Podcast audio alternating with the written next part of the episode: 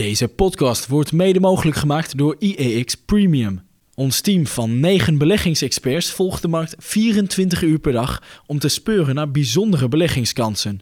Voor nog geen twee tientjes per maand bent u abonnee en ontvangt u niet alleen digitaal alle analyses en tips, maar ook een tweewekelijks beleggingsblad. Jan, ik zou toch even nog wat over Philips willen zeggen. Nee, Philips. Alweer. Na onze hoogoplopende fitty vorige week. Vertel nee, Niels. Nee, we hadden natuurlijk uh, onze discussie hè, afgelopen week. En, en, er was wel iets wat ik uh, was vergeten te zeggen. Uh, want de reden waarom ik Philips nog steeds enthousiast over het aandeel ben... is dat er nog steeds geen wetenschappelijk bewijs is... dat die slaapapneu ook kanker veroorzaken. Echt, als we kijken naar al die wetenschappelijke onderzoeken die er zijn geweest...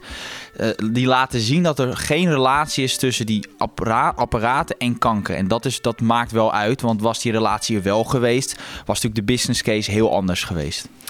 Waarvan acte? Zijn dit dan je famous last words over Philips? Ik, ik, denk, zullen, ik denk dat het woord niet meer naar voren komt. Oké, okay, we gaan het in ieder geval niet over Philips hebben verder deze week.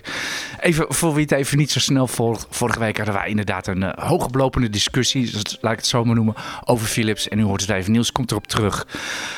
Ja, daar bent u weer. Dit is de IX Beleggers Podcast. Het is vrijdag 26 augustus. Het is kwart over 11. De AX doet ongeveer min 0,3. Ik zeg niet voor niets kwart over 11. Want we weten natuurlijk allemaal vandaag om 6, 1600 uur, 4 uur onze tijd. De grote speech van vetvoorzitter Jerome Powell in Jackson Hole. Waar iedereen op zit te wachten in de markt. Daar gaan we het zo meteen uitgebreid over hebben.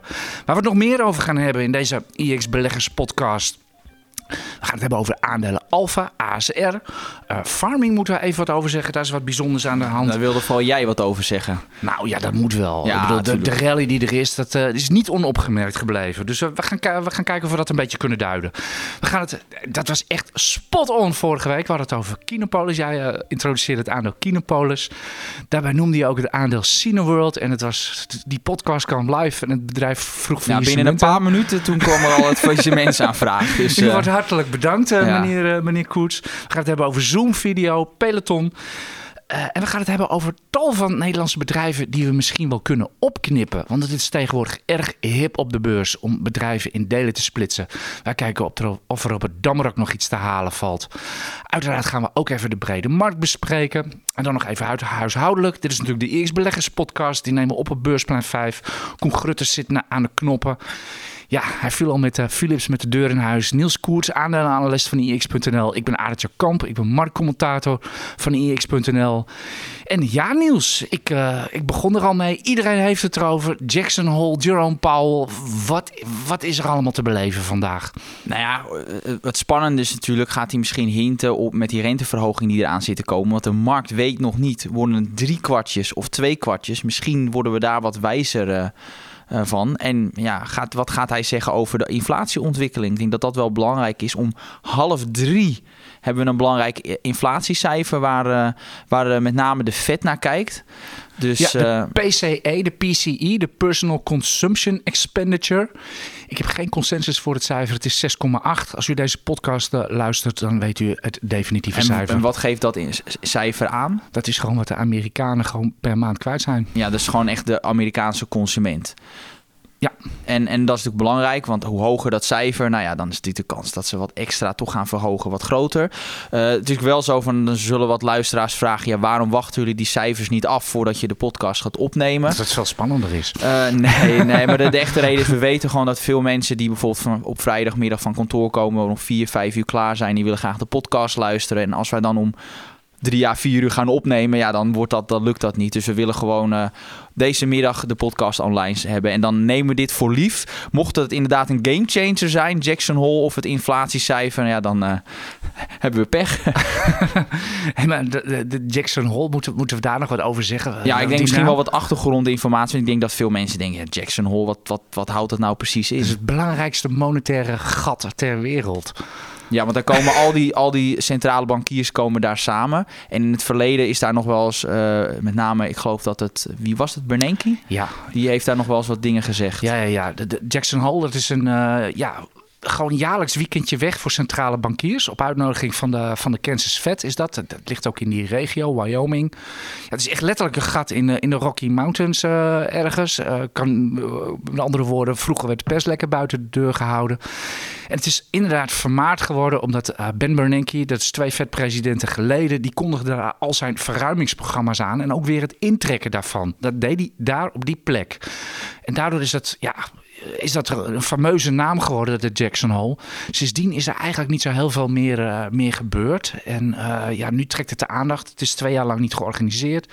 Wegens de lockdowns en al die toestanden. En nu is het er weer en staat iedereen te wachten. En we gaat de hele week al over. Ja, je, je hoort het een beetje aan mijn stem. Ik, ik, jij ik, ik gok er, op een non-event. Jij verwacht dat er niet zoveel gebeurt. Hè? Dat nee, we er allemaal naar uitkijken en dat er daar niks gebeurt. Nee, wat, wat zou er moeten? Het is inderdaad, het wordt twee of drie kwartjes. De markt denkt over, over twee weken is het rentebesluit. Twee of drie weken in september. Uh, de markt denkt voor, voor, drie, voor twee derde uh, aan drie kwartjes en voor een derde aan, uh, aan, één, aan twee kwartjes. Dus we gaan dat, wa, dat was geloof ik vorige week was dat precies omgedraaid of twee weken geleden. Ja, was het de markt neigt nu toch wel weer wat meer naar drie kwartjes. Ja, en dat is dus misschien ook een van de redenen waarom die tienjaarsrente in de Verenigde Staten weer wat is opgelopen. Ja, misschien ook de dollar weer wat is, wat is aangetrokken. Want die staat natuurlijk ook onder pariteit. Ja, dat is bijzonder, want dat is ook al jaren niet volgekomen. 20 jaar. Ja. Als je naar de hele, hele eurogeschiedenis kijkt, die is natuurlijk van 1 januari 1999, de officiële invoering van de euro. Ja, de, ergens uh, 2002 of 2003 stond die de bodem 0,82 uit mijn hoofd. Dus dat is. Uh, ja, dat is zeg maar de onderkant van de bandbreedte. Aan de bovenkant is het 1,65 of zo. Ja, dat, dat, dat, heb dat nog zijn echt meegemaakt. wel pieken hoor. Dat zijn echt uitschieters. Het was niet dat het daar structureel onder stond. Maar dat is een uh, beetje de bandbreedte. En uiteindelijk ging uh, euro-dollar af. De euro ging op 1,18,8 ging die... Uh, de, het euro-tijdperk in. Okay. Dat, dat was, was, de eerste, eerste koers ongeveer. Dus daar staan we 20% onder. Ja. We gingen ook volgens zij die het kunnen weten, et cetera, gingen we ook 20% goedkoop met de gulden de euro in. Dus hebben we 40% van onze welvaart verloren, Niels. Ja, is dat niet een beetje te kort door de bocht? En ik geloof dat met name Nederlandse bedrijven, maar ook Duitse bedrijven natuurlijk heel goedkoop kunnen exporteren. En dat komt onze economie natuurlijk ook weer ten goede. Ja, dat, het, het heeft zijn nadelen gehad en zijn voordelen. En verder uh, is, dat, is dat politiek en daar bemoeien we ons maar niet zoveel mee. Er staat nu 0,99, nog wat op het bord. En dat is waar we nu mee te maken hebben en, en mee, uh, mee moeten beleggen. Maar je ziet het wel aan onze arbeidsmarkt dat wij gewoon een veel duurdere munt nodig hebben. Waardoor je automatisch uh, het exporteren wat moeilijker wordt. Dat je wat minder economische activiteit uh, krijgt. En dat zou dan wat tot verlichting kunnen leiden. Maar ja, we zitten nou eenmaal met die euro. Uh, waardoor, ja, waardoor je dit soort dingen krijgt. Dat je een te goedkope munt hebt. En dan, dan, dan ja, dan krijg je dus dit soort. zeker in combinatie met die coronacrisis. Met al die steunpakketten die we hebben gehad. Ja, dan zie je waar we nu staan. Oké, okay. ik denk niet dat uh, meneer Paul het daar vanmiddag over gaat hebben. Nee. Ik denk in ieder geval, ja, mocht het uh, rentebesluit, zoals wij dat bij IX noemen, uh, duivies of haviks, gewoon letterlijke vertaling van doffies en hawkies, waarom niet, nemen, dan als het haviks is, dan, hè, dus we gaan drie kwartjes verhogen of hij gaat daar op hinten, hij gaat dat nooit keihard zeggen, nee. maar gewoon gaat, gaat daar op hinten, dan gaat de markt daarmee mee aan de haal. Ja, dan gaan in principe, de dollar trekt dan verder aan, dan gaan de, gaat de rente omhoog. omhoog. En gaan koersen omlaag. En dan natuurlijk vooral van, van technologie en groeiaandelen. Dat is, dat is het een beetje op papier. En is het duivies, dan is het uh, andersom. Ja, als hij, als hij gaat zeggen van inflatie is over zijn hoogtepunt heen, dan gaan we hogere koersen krijgen. Daar ziet het wel naar uit. Als je, uh, ik kijk vanochtend nog even bij de, bij de inflatieverwachtingen van de markt. Uh, die fluctueert natuurlijk wel een beetje. Maar de vijfjaarsverwachtingen, dat geldt als de benchmark, die, die staat net even boven 3%.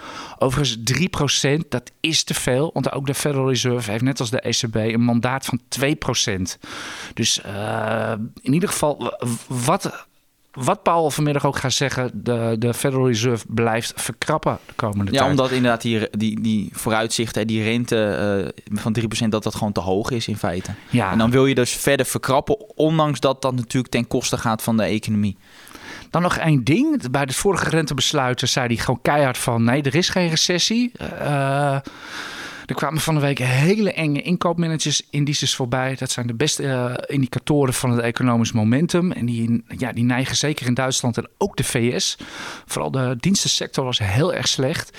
Die neigen, die neigen naar recessie. Hè? Zo standjes 46, 47, dat neigt echt wel naar recessie. Wat denk jij? Gaat hij daar wat over zeggen? Denk jij dat, denk jij dat het een recessie is? Ja, het ziet er natuurlijk wel aan te komen. Alleen ja, als je het hebt over een recessie. Kijk, op papier is dat twee kwartalen van krimp. Maar ja, als dat 1, 2 tiende is, ja, dan stelt dat niet zoveel voor natuurlijk. En daarbij horen ook echt kelderende beurskoersen. Ja, dat, is het gevoel. Hoge werkloosheid. En dat, dat is het natuurlijk. dat is het gevoel wat je bij het woord recessie hebt. Hè? Dat alles, alles is eh, beurzen omlaag, huizenprijzen, werkloosheid. Uh... koopkracht is natuurlijk wel heel slecht. Als je daarnaar kijkt, dan, dan zit je er natuurlijk wel in. Ja, daarom denk ik dat we hier in Europa ja, die energierekeningen die we gaan krijgen dit najaar. Uh, we hadden het er net ook al over. Wij zijn ook al aan het bezuinigen. Dat, uh... Ja, mijn drie jaar vast, vast, mijn drie jaar vaste abonnementje op energie, dat, op gas, dat liep af. Dus toen ging ineens de rekening ging, ging verdubbelen. Alleen ik had wel, ik weet niet waar dat vandaan komt, kreeg je ineens 300 euro terug. Dus ik denk misschien even bellen waar dat nou vandaan komt. dat zou, weet je zeker? Ja, ja nee, ik zag het ineens gestort. Ik denk, wat gebeurt hier? Maar, ja. uh, want ik hoor van iedereen, die krijgt juist een extra naheffing. Maar bij mij was het andersom. Misschien omdat ik ook bezuinig zou kunnen.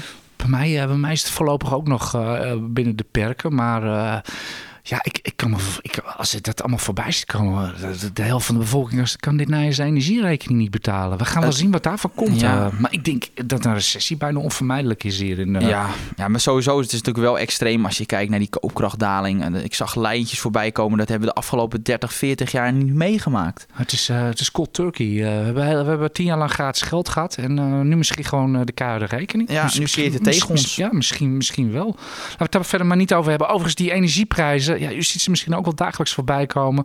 Duitse elektriciteitsprijzen of de Nederlandse gasfuture.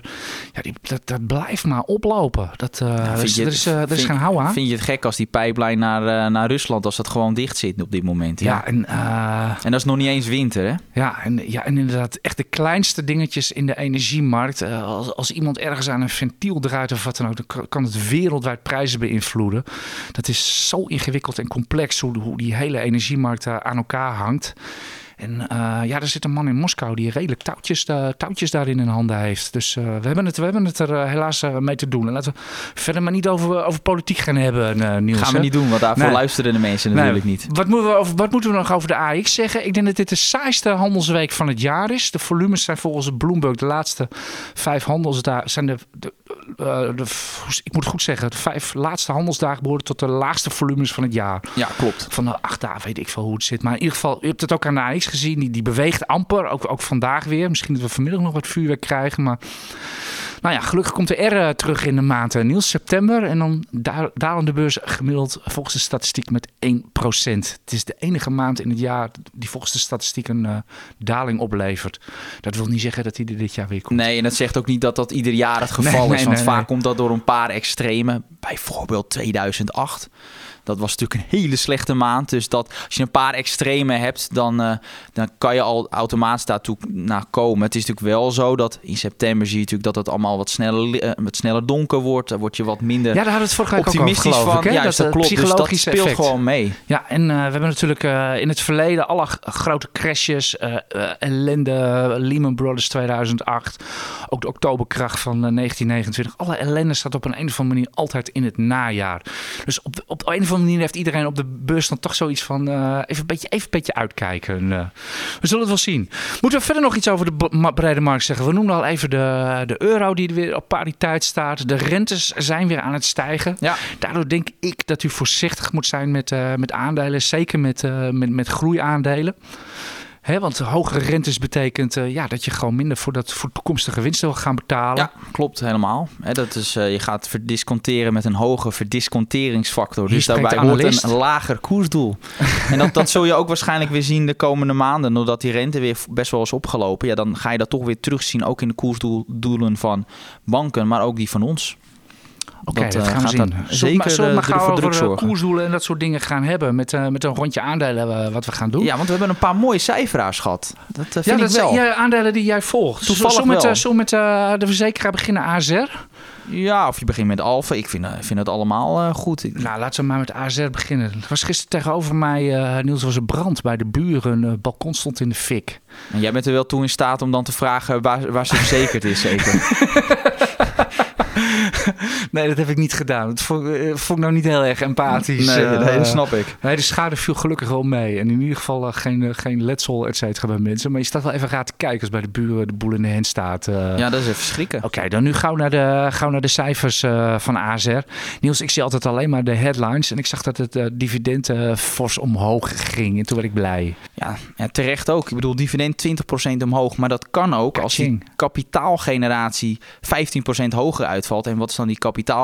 Is dus dat geld wat ze verdienen, wat in de richting naar de aandeelhouders kan in de vorm van dividend, aandelen inkoopprogramma of natuurlijk overnames. Dus, dus ja, als dat cijfer stijgt, dankzij de hoge rente, is het vrij logisch dat dan ook het dividend omhoog gaat. Ik verwacht dat de dividend tussen de 12 en 15 procent omhoog kan dit jaar.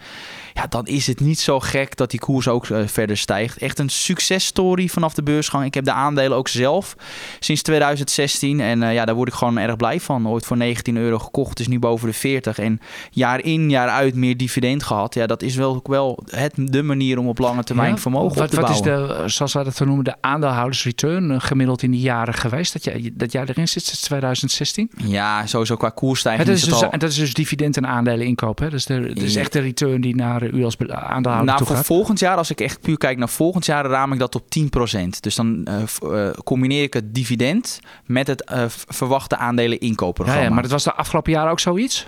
Ik weet ik niet precies te weten, hoor, maar waar het om gaat is van, kijk dat je met zulke aandelen eh, versla je in de inflatie en bouwt Ja. zelfs nog wat vermogen op. En Dat is, dat is het punt Ja, eigenlijk wat ik wil Nou, maken. jaarlijks Ja. heb je natuurlijk sinds 2016 natuurlijk wel heel veel eh, verdiend. Ik weet niet helemaal uit mijn hoofd, want dat, dat hou ik dan weer niet bij. Ja, wel mijn, mijn eigen resultaten, maar niet met AZR. Ja, maar, maar leg er nou eens uit hoe een saaie verzekeraar, eh, want dat is met, met domme duffe business, zeg maar zoveel geld verdient.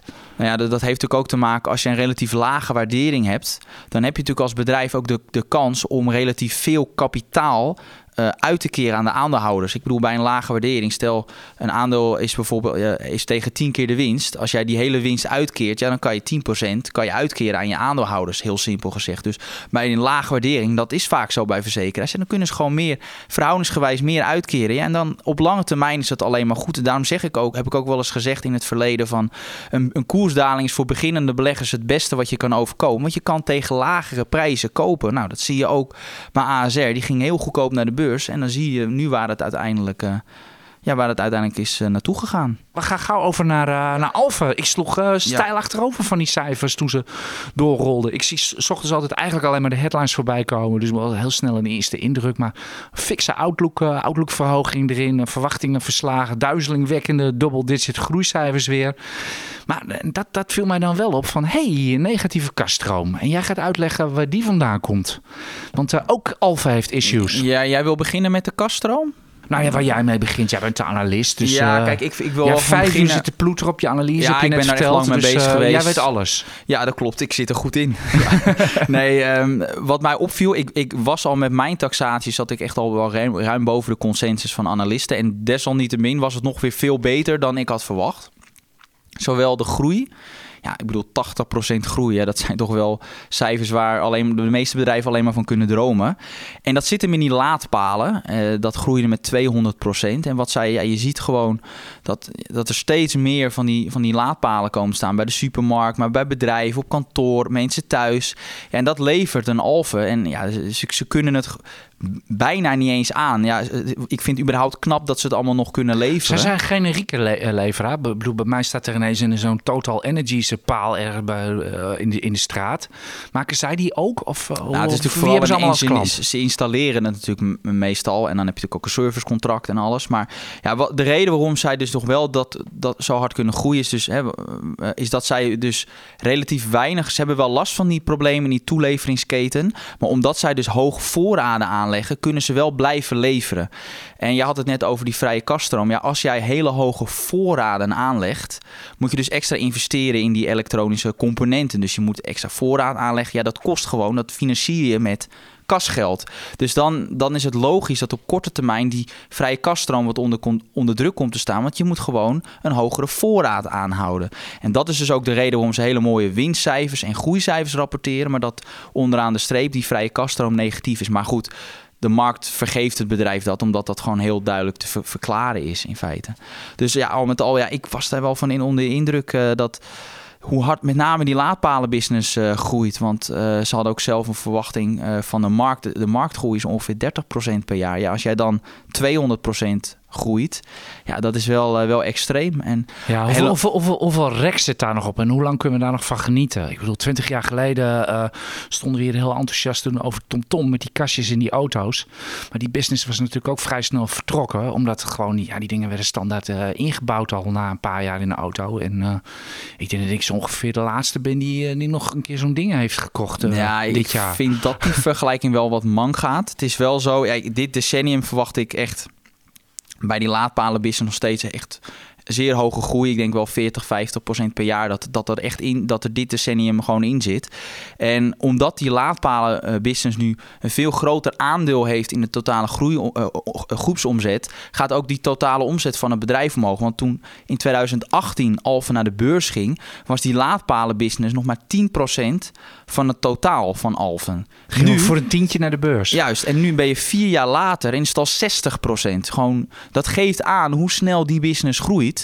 En dan als die business groeit en dat blijft doorgroeien, dan gaat, het, gaat de omzet als geheel ook uh, blijft het doorgroeien. En ja, die winst geeft. En dat blijft, dat is ook een van de redenen waarom ik wel liefhebber ben van Alphen. Is dat zij weten dat dus te combineren met een, echt een, een, stijgende winstgevendheid.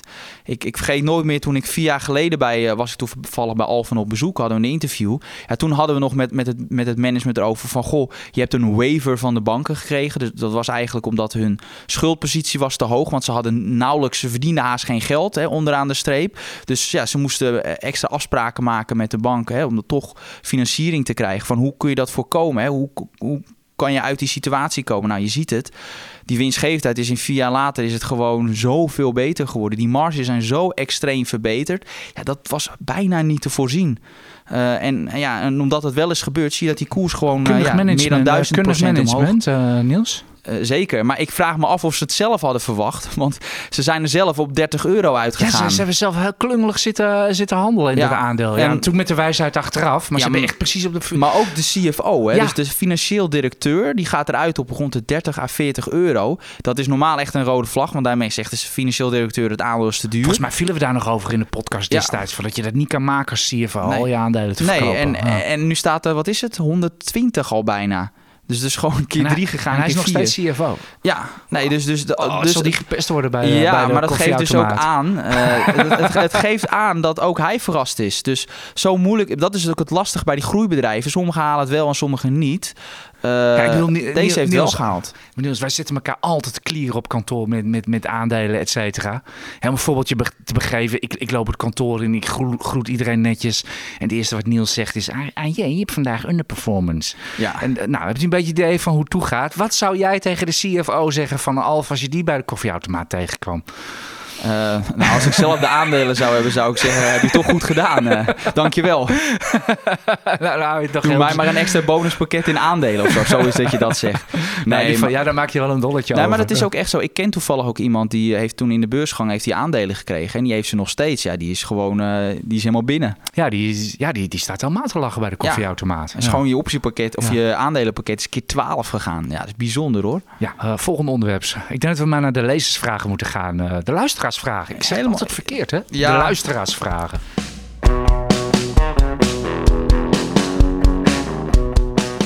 Ja, er, er, waren echt heel veel binnengekomen deze week. Het leefde massaal, ondanks dat de koersen wel wat onder druk stonden. Maar we gaan gewoon beginnen. Ja, doe, En, hoeveel, eh, hoeveel vragen heb jij gehad? Ik heb niet zo goed gekeken op Twitter. Ja, het gaat vaak een beetje... Nee, echt, want via Instagram, ook Ja. op de site. Met name op Instagram merken we gewoon dat er echt veel vragen binnenkomen. Dus ja, eh, zie het niet als een belediging als ik uw vragen al een paar keer achter elkaar niet noem. Dat, ja, dat, je moet, we moeten soms keuzes eh, maken. Ja, vaak zit er ook wel wat overlap in. En, eh, Ja. of, of je komt met, echt met zulke obscure aandelen aan die we hier echt niet gaan be- bespreken. Dat, AJ, eh, zal ik gewoon beginnen met een vraag voor jou. Van Pulp Fiction. AJ, jij zei een keer, eh, niet, je zei een keer dat je niet alleen maar in wereldtrekkers belegt, maar ook in euro-dividend aristocrats vanwege het valutarisico. Maar dan vraagt hij van, eh, maar waarom beleg je dan niet gewoon in een, als je echt wil letten op dat valutarisico, waarom wil je dan niet in een wereldtrekker die gehedged is als het, als het gaat om eh, valuta? oh, die zijn duurder. Juist, ik denk dat dat inderdaad de, de belangrijkste reden is. Ja, dus eh, ik, ik moet eerlijk zeggen, toen ik ook begon te beleggen, et cetera, eh, ik, ik zit al heel lang in het eh, World Stock Fund. Ehm, toen dacht ik nog niet na over valuta bij beleggen. Dat, ik heb daar van de week ook nog een artikel over geschreven op de site. Er zijn, er zijn twee events geweest waardoor ik me heel erg van bewust ben geworden van hoe belangrijk valuta wel niet is. Was een keertje toen reken ik gewoon voor de gein. Ik zat naar de Turkse beurs te kijken zoveel jaar geleden. Wow, wat ging die hard omhoog. En toen zette ik hem in euro's en toen was hij vlak. Ik dacht al, wat heb je bij die Turkse beurs heb je dat te Ja. zoeken? Daar ben ik, en toen ben ik gaan nadenken over emerging markets, et cetera. Heb ik meer dingen bekeken. Heb er echt even goed naar gekeken. En toen heb ik echt besloten van ik ga niet in emerging markets beleggen. Want dan is, dan is je visie goed en dan loopt de valuta tegen je in. En dat is heel frustrerend eh, beleggen. Ik vind het prima als ik geld verlies omdat ik het verkeerd gezien heb of wat dan ook. Maar als je verliest door iets waar je geen grip op hebt, dat is, dat is echt heel vervelend. Maar een lang antwoord, ze zijn gewoon te duur. Ja, en, Daar en, komt het op neer. en die weet jij ook nog, de Zwitserse pech van 2014. De Zwitsers die in één keer eh, onverwacht de koppeling met de euro eh, loslieten. In vijf koerstikken ging de Zwitserse frank 40% omhoog. ja, daar zo- weet ik alles van, eh, AJ. En er zijn er dus echt mensen in, in vijf minuten zijn echt failliet gegaan. Die konden echt een hypotheek op een huis gaan nemen. Omdat ze met een hefboom van 100 in het valutapaar zaten. Nou, ik zat niet met 100, maar met 20 destijds. Dat, Dus, ging, dat nou, ging niet helemaal goed. Dan heb jij hem ook. Nou, ja, in ieder geval, daardoor ben ik me zo waanzinnig bewust geworden van Ja. hoe belangrijk valuta is bij beleggen. Maar dit even een uitstapje. Een vraag van Eline. Ze zegt van in de tabellen bij jullie aandelenanalyses wordt ook het toekomstige dividendrendement en de toekomstige koers-winstverhouding gegeven. Maar waar wordt dat op gebaseerd? Want ze ze zegt van ja, die koersen van in de toekomst die weet je natuurlijk niet. Nou, dus eigenlijk is dat heel simpel. We, we geven een bepaald dividend per aandeel wat we verwachten voor de komende jaar, maar ook een bepaalde winst per aandeel. En dan berekenen we die koers-winstverhouding op basis van de koers van dit moment. Dus daarom zie je vaak als je in onze analyses op premium kijkt, zie je vaak dat die koers-winstverhouding wat omlaag gaat. Omdat wij bij de meeste bedrijven verwacht je dat de winst wat gaat stijgen de komende jaren. Als, dan, als je dan met de koers van dit moment rekent, ja, is die koers-winstverhouding in de toekomst wat lager. En bij het dividend is het natuurlijk andersom. Als je dan wat meer dividend verwacht de komende jaren en de koers, je rekent met de koers van dit moment, dan gaat dus het dividendrendement wat omhoog. Dus eh, ja, dat is denk ik het, eh, het antwoord op deze. Niets aan toe te voegen. Eh, Oké, de nummertje drie. Fast Rabbit. Hoe, hoe groot schat Is dat het die- aandeel of een vraag? Nee, is gewoon degene die op eh die zou de een vraag aandeel, heeft zou een aandeel kunnen zijn. Ja. Ja. ja, wel een mooie naam. Oprecht. Creatief. Dus hij zegt zo van... Hoe groot schatten jullie nu de kans in op een hoge bod van Hal op Boskalis? Ik zie je een beetje zuchten. Ja, dat hangt er helemaal vanaf eh hoeveel aandelen er aangemeld gaan worden. Ehm, Hal gaat het bod gestand doen bij 80%. Ze hebben nu 55%. Ja, blijft daar een enorm gat tussen. ehm, dan denk ik dat Hal eh, toch echt wel moet gaan verhogen. Ehm, loopt dat toch vol richting de 80, dan, eh, dan, ja, dan zie ik het niet meer gebeuren. Maar Hal kijkt- gaat niet uit vrije wil. De, de woorden van eh Boskalis CEO Peter Bedowski van de week uit Boskalis de aandeelhoudersvergadering, waar 0,2% van het kapitaal aanwezig was. Met andere woorden, Hal was er niet. En die zei van, eh, ja, ik heb, ik heb alles geprobeerd bij Hal, maar er zit vanaf meet af aan eh, geen beweging in bij Hal, zei hij. Dus Nee. ja, Hal is er natuurlijk ook beroemd om dat ze heel goed kunnen rekenen en nooit een cent te veel betalen. En dat mag u echt eh 0,001 cent van En, maken. en ook andersom dat ze de hoofdprijs krijgen als ze het verkopen. Dat toen met Grand Vision gezien. Dat ze niet, geen discount, niks niet. Gewoon de volle map moest dat uh, ex Essilor ja, en ze onderhandelen niet alleen hard met zeg maar u, maar ook dus gewoon met eh, inderdaad zo'n eh, Frans-Italiaanse gigant. Dat trekken ze ook gewoon een streep. eh, En, en als je ook kijkt naar de koers van een Boskalis, dat zit er maar echt twee tienden boven het bod, zoiets. Echt een Ja, paar cent. zo. eh, Ja, Ja, 14 cent laatst dat ik Oh, nee, keek. Daarmee zegt de markt in feite, ja, we verwachten er niet echt. Het kan wel, maar we verwachten niet echt dat er veel meer in zit. Ja. eigenlijk. Ja. ja, goed. Nou, misschien dat Hal er inderdaad een kwartje bij gaat doen eh, om het inderdaad Ja, tot, tot aan die mis- 80 te komen. Het zou misschien ook wel een eurotje kunnen zijn, alleen hou er wel rekening mee. Kijk, in de tussentijd dat er Ja, niet of het wordt voor u nog gezetteld... aantrekkelijk is. Wil je dat gaan vertellen Ja, of niet? dat is Oké, natuurlijk, want als je in de tussentijd is het natuurlijk zo, ja, als je moet wel wachten. En in de tussentijd, ja, je hebt ook allerlei andere aandelen op de markt staan. En dat wordt vaak wel vergeten. Dat, stel je moet nu een jaar wachten, aandelen doen gemiddeld 8, 9, 8% wel. Ja, dan, dan mis je dat rendement ook. Dus daarom ben ik daar nooit zo happig op om nee, hierop te ik kan die upside eh, gewoon naar uw gemiddelde aankoopprijs en ja, zet daar 32 of 32,25 of 32,50 tegenover. Wat is uw upside? En vergelijk dat met de upside die u, of de, ja, misschien wel de downside voor de markt die, eh, die u verwacht. U kan het natuurlijk ook zien als hedge als u, eh, als u een veel lagere markt gaat verwachten. Helemaal dat, dat, kan, het- dat kan natuurlijk wel. Maar hoe dan ook, een, een vetpot gaat dit gewoon echt niet meer worden. Ik kan me dat, niet dat denk ik ook niet. Nee. Eh, een nummertje 4, Greedy 1967. Eh, waar, die vraagt van, eh, waarom stijgt de goudprijs niet? Je zou verwachten dat bij de huidige hoge inflatie en een nog steeds gematigde rentes de goudprijs door het dak gaat. Vroeger was het ook een hedge eh, voor inflatie, maar dat gaat nu niet meer op. Wat zijn nu verwachtingen? Ah, ik verwacht nooit iets. Eh, Voor goud is het helemaal lastig. Nou ja, voor, voor, voor goud, je kan het niet, eh, je kan het niet objectief uitrekenen. Hè. Niels schrijft allerlei sommen van ASR en Alfa. Een aandeel kan je uitrekenen wat het ongeveer waard is of wat jij ervoor wil betalen. Bij goud kan je dat niet. Er zijn er allemaal wel allemaal formules voor bedacht. En, maar uiteindelijk, ja, er is geen fundamenteel eh, verhaal bij goud.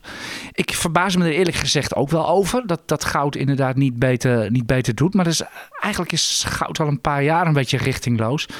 Mijn, en dat kan ik niet staven, dat kan ik niet eh, hard maken aan de hand van data. Maar dat is gewoon puur mijn gevoel, het idee wat ik krijg. Eh, goudbeleggers zijn naar crypto eh geswitcht. Ja, wat misschien ook meespeelt is dat goud het vaak doet als we verwachten dat er hoge inflatie is. Als er is en we verwachten dat die inflatie afvlakt, ja, dan is goud weer minder interessant. Dus ja, maar goed, ik ben sowieso niet echt een liefhebber van goud. Ik heb wel een kleine, een, een kleine positie in zilver, een trekker erop. Maar dat is echt Waarom, minim- waarom dat joh? Nou, dat is minder dan 1% van mijn portefeuille. Dat vroeg ik niet. nou, waarom dat is, ja, dat, dat heb ik ooit 7, 8 jaar geleden ooit besloten. Ik vond bij zilver, dat vond ik ook ondergewaardeerd ten opzichte van goud. En ik wilde wel iets van eh Je edelmetalen weet dat dat ook gewoon portefeuille. 15 jaar kan duren. hè? Ja, dat weet ik. Ja. Dat weet ik. Dus, dus het is ook niet. Het is een soort van klein beetje spreiding. Dat ik daar toch een klein beetje exposure heb. Het is niet zo dat ik daar heel veel van verwacht. Maar dat, ja, het is gewoon een soort van aanvulling op mijn portefeuille. Maar goed, aan de positie zelf kun je al zien dat ik er niet heel veel van verwacht. Nee, verbaas me. Ik wist überhaupt niet dat je het had. eh. ja, ook al sinds 2015. Ja. Dus Maar goed, vind je, wat, wat denk jij? Want, want nogmaals, ik, ik kan mijn verhaal niet staven. Dat, dat eh, zeg maar de, de goud, goudkevers, zo valt die term nog wel eens, zo, zo heten ze altijd. Goldbugs, eh, of die naar crypto zijn gehold. Ja, maar is die cryptomarkt zo groot? Is die toch nog helemaal niet? Dat valt toch allemaal nog nee, wel mee? goud, zit, goud, zit, goud, goud gaat wel wat meer om inderdaad. Maar Nou, ik Ja, vind, vind ik het eigenlijk wel goeie. Het zou kunnen. Ik vind het wel wat ver gezocht. Ik vind het Ja. wel wat ver gezocht. Het is overigens, je ziet het, eh, je ziet het heel vaak bij, eh, bij inderdaad commodities, maar ook bijvoorbeeld bij, eh, bij biotechs. Ja, waar niet echt een fundamenteel verhaal is, dan zie je vaak eh, vlakke koersen, een beetje lichtdalend vaak. En dan ineens is er weer boom en bust, dan is er, is er reuring en dan vliegt die koers weer alle kanten uit. Kun je fantastische ritjes maken. Maar dat, dat heb je natuurlijk vaker met die edelmetalen. Dan, dan, dan moet je het vaak van de fantasie hebben. Omdat je dus geen dividendrendement... Je kan, het, je kan niet echt de, de, het berekenen de waarde ervan. Dus dan moet je het van die je- fantasie dat heb je bij hebben. alle, alle commodities. Kijk ook bij koffie of, of, of lean hogs of frozen orange juice of wat dan ook. Zie je vaak jaren vlak en ineens boom bust. En, eh, en zo gaat het vaak. Maar per saldo, als je door de decennia heen kijkt, wordt er inderdaad gewoon, is er alleen maar een prijs. Er wordt inderdaad geen waarde geschept, zoals aandelen doen. Helder. Eh, Jim van Rijn, hij vraagt... Gaat Philips nu NN achter... oh nee, nee. Dus ik heb hem verkeerd opgeschreven. Hij heeft gevraagd... Gaat NN nu Philips achterna met het onderzoek in Japan? Want eh, het is zo dat een bepaald levensverzekeringproduct... Dat, daar wordt, het van, wordt NN van verdacht in Japan... dat het zou hebben bijgedragen aan het ontwijken van belasting. Daar zijn ze in Japan niet blij mee. Het is wel een verschil of jij wordt aangeklaagd. Sowieso is, is totaal de cases veranderd. Maar maakt het wel uit als je, als je in Japan wordt aangeklaagd of in de Verenigde Staten. Want de boetes en de schikkingsbedragen in de Verenigde Staten lopen veel, ver, zijn veel hoger dan in Japan. Dus ik vind, nee, ik, ik vind op dat punt, natuurlijk, je wil dat soort berichten als aandeelhouder van NN niet lezen. De koers Maar- reageerde er niet op. Nee, nauwelijks. Misschien 1, 2 procent op die dag. Dus het viel allemaal wel mee. Eh, dus ik zou, daar, ik zou daar niet te zenuwachtig van, Heb van je, worden. kun, je, kun je zeggen wat de mogelijke schade kan zijn? Worst case scenario? Nee, nee dat, dat, dat, kan ik niet. Het kan best zijn dat we hier nooit meer wat van horen. Nee, toch? want er zijn ook helemaal niet eh, echt veel cijfers genoemd. Dus het kwam wel in de media. Dus ik kan daar als analist nog echt niets, eh, niets over zeggen. Dus, nee, maar dan zie je wel hoe, de, hoe dat zijn schaduw werpt op de beurs. Hè? Dan zodra er wat met zo'n affaire als met Ja. Philips, dan zodra er wat is, uh, oeh, denk Nee, iedereen maar, meteen... maar eh, dat, dat is echt... ik- in dat opzicht durf ik mensen wel gerucht te stellen. Jim, daar hoef je geen zorgen om te maken. Staat genoteerd, uh, En Niels. zit ik verkeerd, dan mag je tomaten gooien. nee, weet maar je ons, in- weet je in- ons wel te vinden. Nee, maar eh, in dat opzicht nee. Maar dat, die vergelijking, dat gaat gewoon eh, mank. Heb je nog meer vragen? Ik vind het wel ja, gezellig. eh, een nummertje van eh, The Big Short. Eh, beste Arend Jan, want hij zegt, ja, we horen je iedere uitzending weer trots verkondigen waar de beurs, eh, waar de podcast wordt opgenoemd, hè, zo, op, op Beursplein 5. Ja. Maar hij zegt, maar wordt het niet eens tijd dat de beurs gewoon verhuist naar de plek waar de actie is, namelijk de Zuidas? En toen was ik helemaal stil. Waar de actie is, de Zuidas actie. Ja, Niels, ja help nee, me. eh, ik, vind, ik denk juist dat Beursplein 5, dat dat de plek is eh, Hier zitten, waar de de handel- hier, is. zitten de, hier zitten de handelaren beneden. Niet dat die nou heel hard schreeuwen of wat dan ook. Het is hier altijd wel vrij stilletjes. en het is gewoon ook de eh, oudste beurs ter wereld. eh, ja, de- ja, Dan zou het zonde zijn om dat te verhuizen. dus eh, ja, inderdaad. Het is, er worden sinds, sinds 1602 worden er aandelen verhandeld in Amsterdam. Toen was er nog geen beurs. Het gebeurde gewoon op straat. En eh, als het regende doken ze de kerk in. Die staat er nog, kop van de Zeedijk. En verder stond de beurs hier altijd op en rond de Dam. We zijn naar derde gebouwd, hoe Ja. geloof ik. En eh, ja, laat maar lekker hier staan. Ja, en het zou ook zo zonde zijn, want dit is ook een monumentaal pand waar we, waar we in zitten. Het zou zo zonde zijn om Ik, dat eh, te fiets, ik verlaten. fiets hier iedere dag met, met trots naartoe. Maar goed, heb je nog meer vragen? Nee, dat waren de vragen. Dan gaan we maar heel gauw naar Twitter. Want dat is me een soap. Ja, ja dus, maar moeten we beginnen? Jij bent de analist, dus... Ik eh, geloof dat in ja, ik, april- kan over, ik kan over die, die topmanager, eh, ex-topmanager, in januari is ontslagen. Die kwam ineens tussen de schuifdeuren en die zegt dat het gewoon één grote bende is bij Twitter. Die was hoofdbeveiliging. Ja, dan denk ik bij mezelf van, wat heb je zelf dan uit zitten spoken in de tijd dat je er was? Maar eh, Niels, Ja, ik, met name, ik vind wel de, de waslijst, de met, de waslijst met beschuldigingen die, die, die kwam, is dat hij, hij zegt, het zou, de toezichthouder zou het bedrijf verkeerd hebben geïnformeerd. Het zou niet, geen correcte... wacht, de toezichthouder heeft verkeerd geïnformeerd. Nee, zij zouden de Oh. toezichthouders verkeerd hebben geïnformeerd. Dat ging ook over de datalek in 2010. Maar ook nog belangrijk is wat hij ook zegt. Ja, er worden bewust verkeerde eh, gegevens eh, verstrekt als het gaat om die fake accounts. En dat slaat, sluit natuurlijk heel erg aan op Elon Musk. Want die zegt, ja, ik ben door, tijdens de onderhandelingen door op, opgelicht door, eh, door Twitter. Want ik dacht dat het veel minder eh, eh, fake accounts waren. En dan blijken dat in de praktijk toch meer te zijn. Dan zegt hij, nou, dan wil ik toch onder dat bod uit. Dus hij stond juridisch heel zwak, want het was natuurlijk in april deed hij het bod. Toen leek het erop van nou, het gaat door. Toen wilde hij het toch niet doen, leek het erop, gaat niet door. Toen bleek dat, ging Twitter het aanvechten. Nou, dachten we, nou, heeft juridisch staat hij niet heel sterk. Gaat dat misschien toch wel door? En dan komt ineens meneer Peter Zatko en die, dan lijkt het er ineens op, misschien toch weer niet. Dus dat Ja, geeft wel weer is, aan. die man zegt gewoon dat er fraude is gepleegd. Ja. En eh, ik denk zelf, als je echt moet gokken, 50-50 of het doorgaat, dit bod. Het is echt eh, ja, 50-50 wat mij betreft. En Heb dan, je als particulier iets in het aandeel te zoeken? eh, en dan moet je misschien echt de analyse lezen. Maar ik heb daar een uitgebreide berekening van mijn koersdoel op basis van die 50-50. Eh, want dan heb je natuurlijk schattingen dat als het niet door, waar gaat het koers eh, heen? Als het wel doorgaat, wat wordt ongeveer de prijs? Nou, op Beetje, basis is dit een beetje daarvan... vergelijkbaar met het verhaal Hal Boskalis wat we net hielden?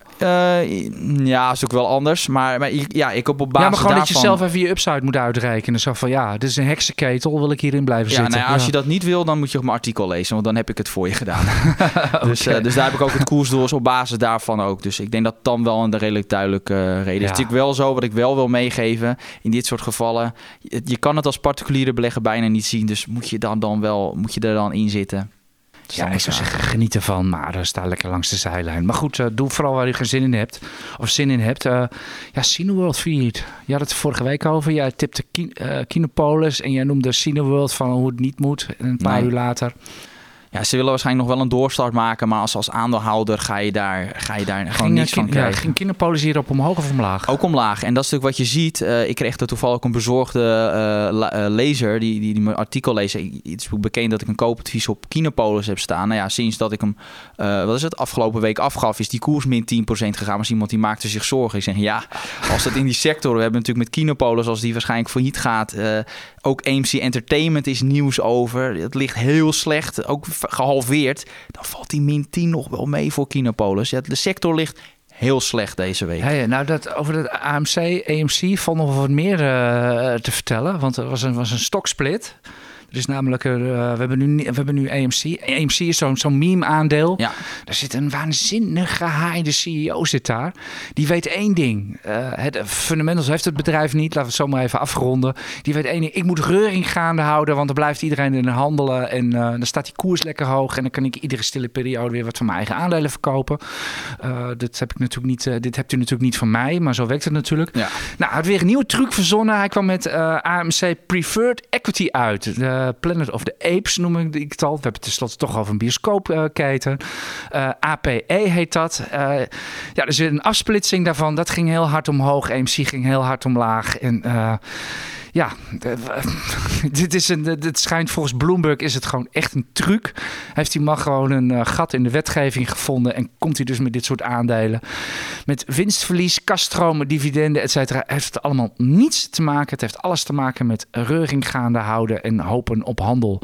En je moet het de man nageven, hij flikt dat wel heel Ja, ik geloof bij de Giro is het geloof ik een van de meest verhandelbare aandelen. Ja, ja, sa- samen met Bed Bath en Beyond, dat, soort- dat soort aandelen waar u ook eh, een kanon kan afschieten Ik, ik blijf in het boekhouding. fascinerend vinden dat mensen gewoon zo graag in kansloze aandelen willen zitten. Ja, dat gaat gewoon hard. En Ja. dat, dat is leuk, dat is spannend. En eh, ja, je hoeft, inderdaad niet, al- je hoeft het inderdaad niet over kaststromen te hebben. Dus, eh, het je is wel lekker makkelijk. Het is, het is ja, niks. Ja, dus het is niks en het eh, beweegt wel. Ja.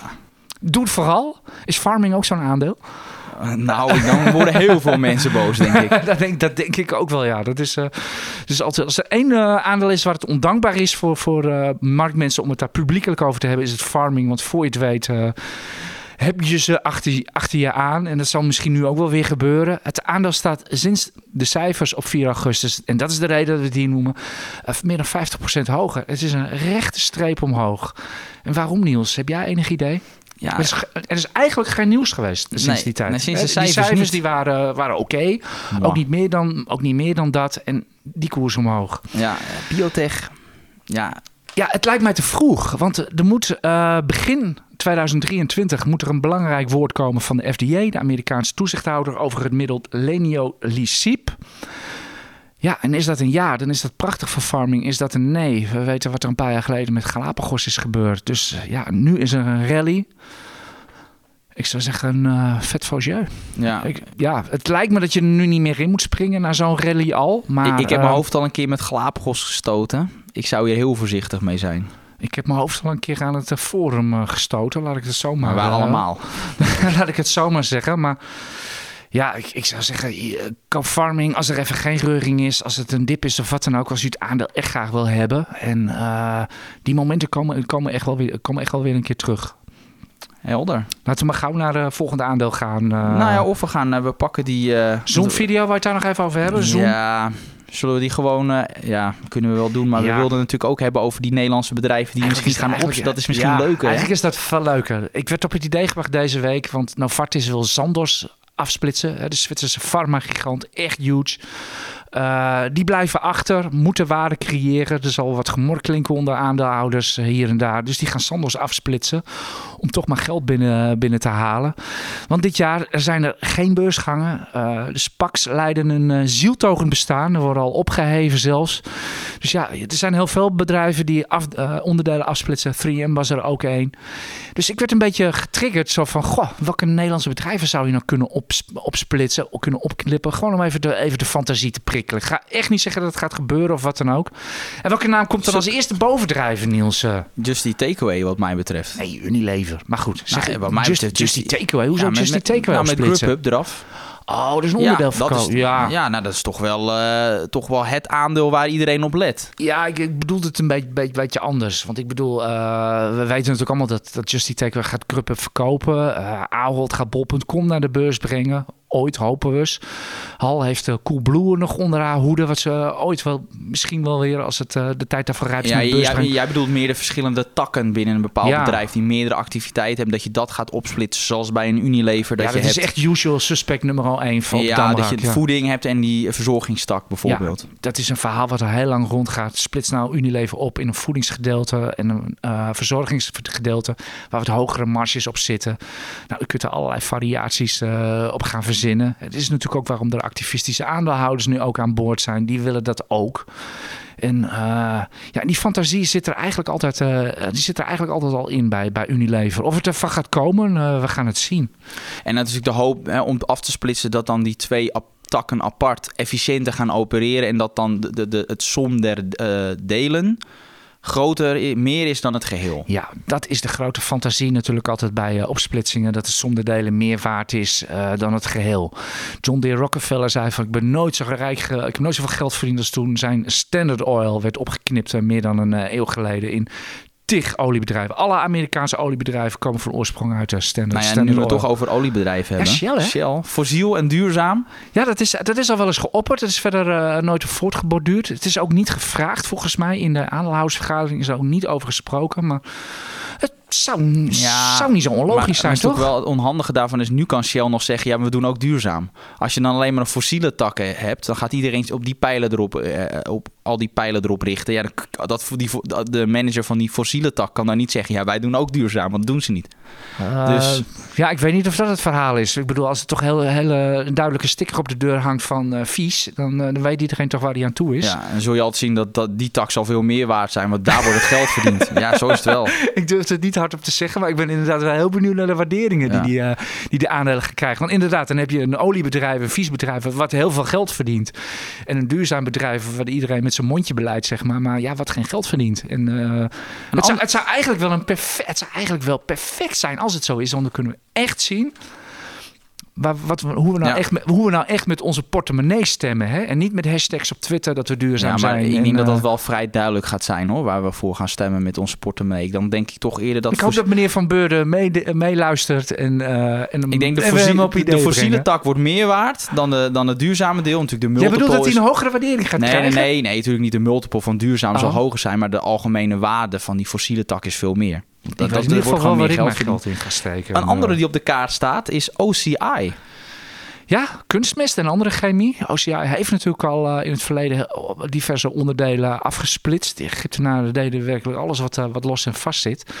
Ja, dus, dit zou je ook nog kunnen overwegen om, om het zo op te splitsen in een, zeg maar, een hoogcyclisch kunstmestgedeelte en een iets minder cyclisch chemiegedeelte.